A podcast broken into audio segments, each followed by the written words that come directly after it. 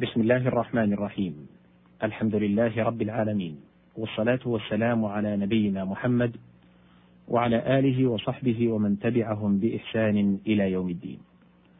أيها المستمعون الكرام السلام عليكم ورحمة الله وبركاته.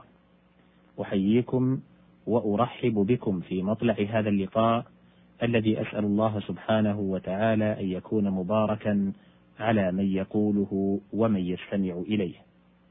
كان المقام قد توقف بنا عند مادة الهمزة والحاء واللام. أهل الرجل من يجمعه وإياهم نسب أو دين أو ما يجري مجراهما من صناعة وبيت وبلد. قال الراغب: أهل الرجل في الأصل من يجمعه وإياهم مسكن واحد، ثم تجوز به. وقوله تعالى: إنه ليس من أهلك، أي ليس من أهل دينك، بدليل قوله: إن ابني من أهلي، فلم تنفعه بنوة النسب. وذلك أن الشريعة رفعت حكم النسب في كثير من الأحكام بين المسلم والكافر. والإهالة الدهن، وفي الحديث كان يدعى إلى خبز الشعير والإهالة السنخة، فيجيب.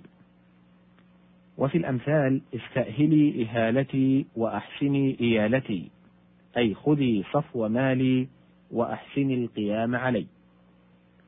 الهمزة والواو والباء. الأوب ضرب من الرجوع، لأن الأوب لا يقال إلا في ذي الإرادة بخلاف الرجوع، فإنه يقال فيه وفي غيره. يقال آبى يؤوب أوبا وأوبة.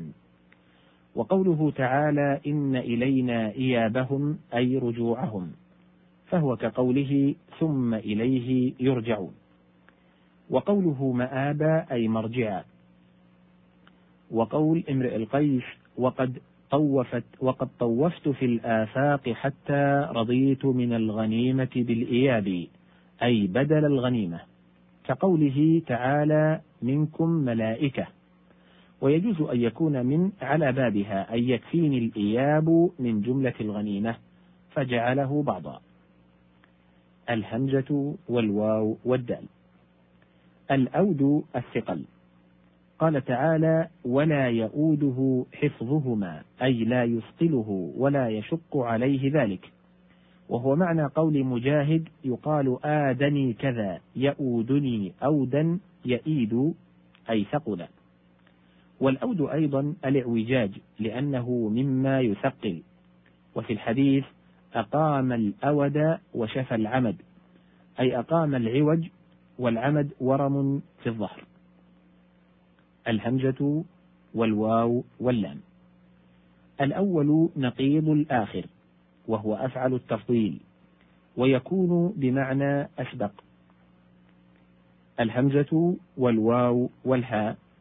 قوله تعالى في سورة التوبة إن إبراهيم لأواه حليم. الأواه الذي يكثر قولة آه آه. والتأوه كل كلام يظهر منه تحزن. وقوله أي قول الشاعر المثقب العبدي يصف ناقته إذا ما قمت أرحلها بليل تأوه تأوه آهة الرجل الحزين. والأواه الكثير التأوه خوفا من الله تعالى. الهمزة والواو والياء. قال تعالى آوى إليه أخاه. أي ضمه إليه في مأواه. وقوله تعالى جنة المأوى المأوى اسم للمكان الذي يؤوى إليه. وقال الشاعر أطوف ما أطوف ثم آوي إلى ماء ويرويني النقيع. الهمزة والياء والكاف. الأيك جمع أيكة وهو الشجر الملتف. وقوله تعالى كذب أصحاب الأيكة هم أصحاب غيظة كانوا فيها. فأرسل إليهم شعيب عليه السلام فكذبوه فهلكوا. الهمزة والياء والميم. قوله تعالى وأنكحوا الأيام منكم. الأيام جمع أيم والأيم المرأة التي لا بعل لها ثيبا كانت أو بكرا. فمن الأول ما في الحديث تأيمت حفصة. وقوله والأيم أحق بنفسها. ومن الثاني تطول أيمة إحداكن. ويقال للرجل الأعزب أيضا وذلك على الاستعارة. يقال ذلك لمن لا غناء عنده تشبيها بالنساء. يقال آمت المرأة تئيم أيمة وآم الرجل كذلك. وإنما لم يفرقوا بالتاء لأن هذه صفة غالبة في المؤنث. فأشبهت حائضا وطامثا لأن الأصل عدم إطلاقه في الرجال. قال الشاعر لقد إمت حتى لامني كل صاحب رجاء بسلمى أن تئيم كما إمت. والمصدر الأيمة. وفي الحديث أنه كان يتعوذ من الأيمة والعيمة والغيمة. فالأيمة طول العزبة والعيمة بالمهملة. شدة شهوة اللبن والغيمة شدة العطش. ويقال الحرب مأيمة أي أنها يقتل فيها الرجال. الهمزة والياء والياء. قوله تعالى إن آية ملكه أي علامته الظاهرة لكم. وقوله أتبنون بكل ريع آية. فالآية هنا البناء المرتفع. لأنه أظهر العلامات الحسية. وقوله ويريكم آياته ومن آياته أي عجائب مصنوعاته فهي أدل على وحدانيته. والآية من القرآن اختلفت عبارات المفسرين فيها. فقال الهروي سميت الآية من القرآن آية لأنها علامة يقطع بها كلام من كلام. وقيل لأنها جماعة من حروف القرآن. يقال خرج القوم بآيتهم أي بجماعتهم.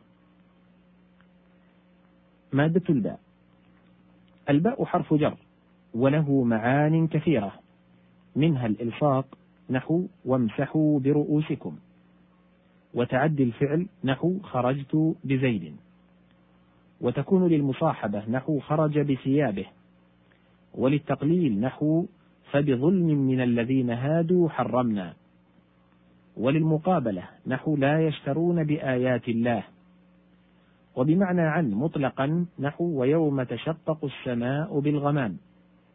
أو مع السؤال خاصة نحو فاسأل به خبيرا. وبمعنى من نحو شربنا بماء البحر ثم ترفعت متى لجج خضر لهن نئيج. وبمعنى في نحو زيد بمكة أي فيها. وبمعنى على نحو من إن تأمنه بدينار أي عليه. هنا ينتهي لقاؤنا هذا. إلى لقاء مقبل إن أذن الله سبحانه وتعالى. أشكر في ختام الحلقة زميلي مهندس الصوت عبد الكريم العنقري والسلام عليكم ورحمة الله وبركاته.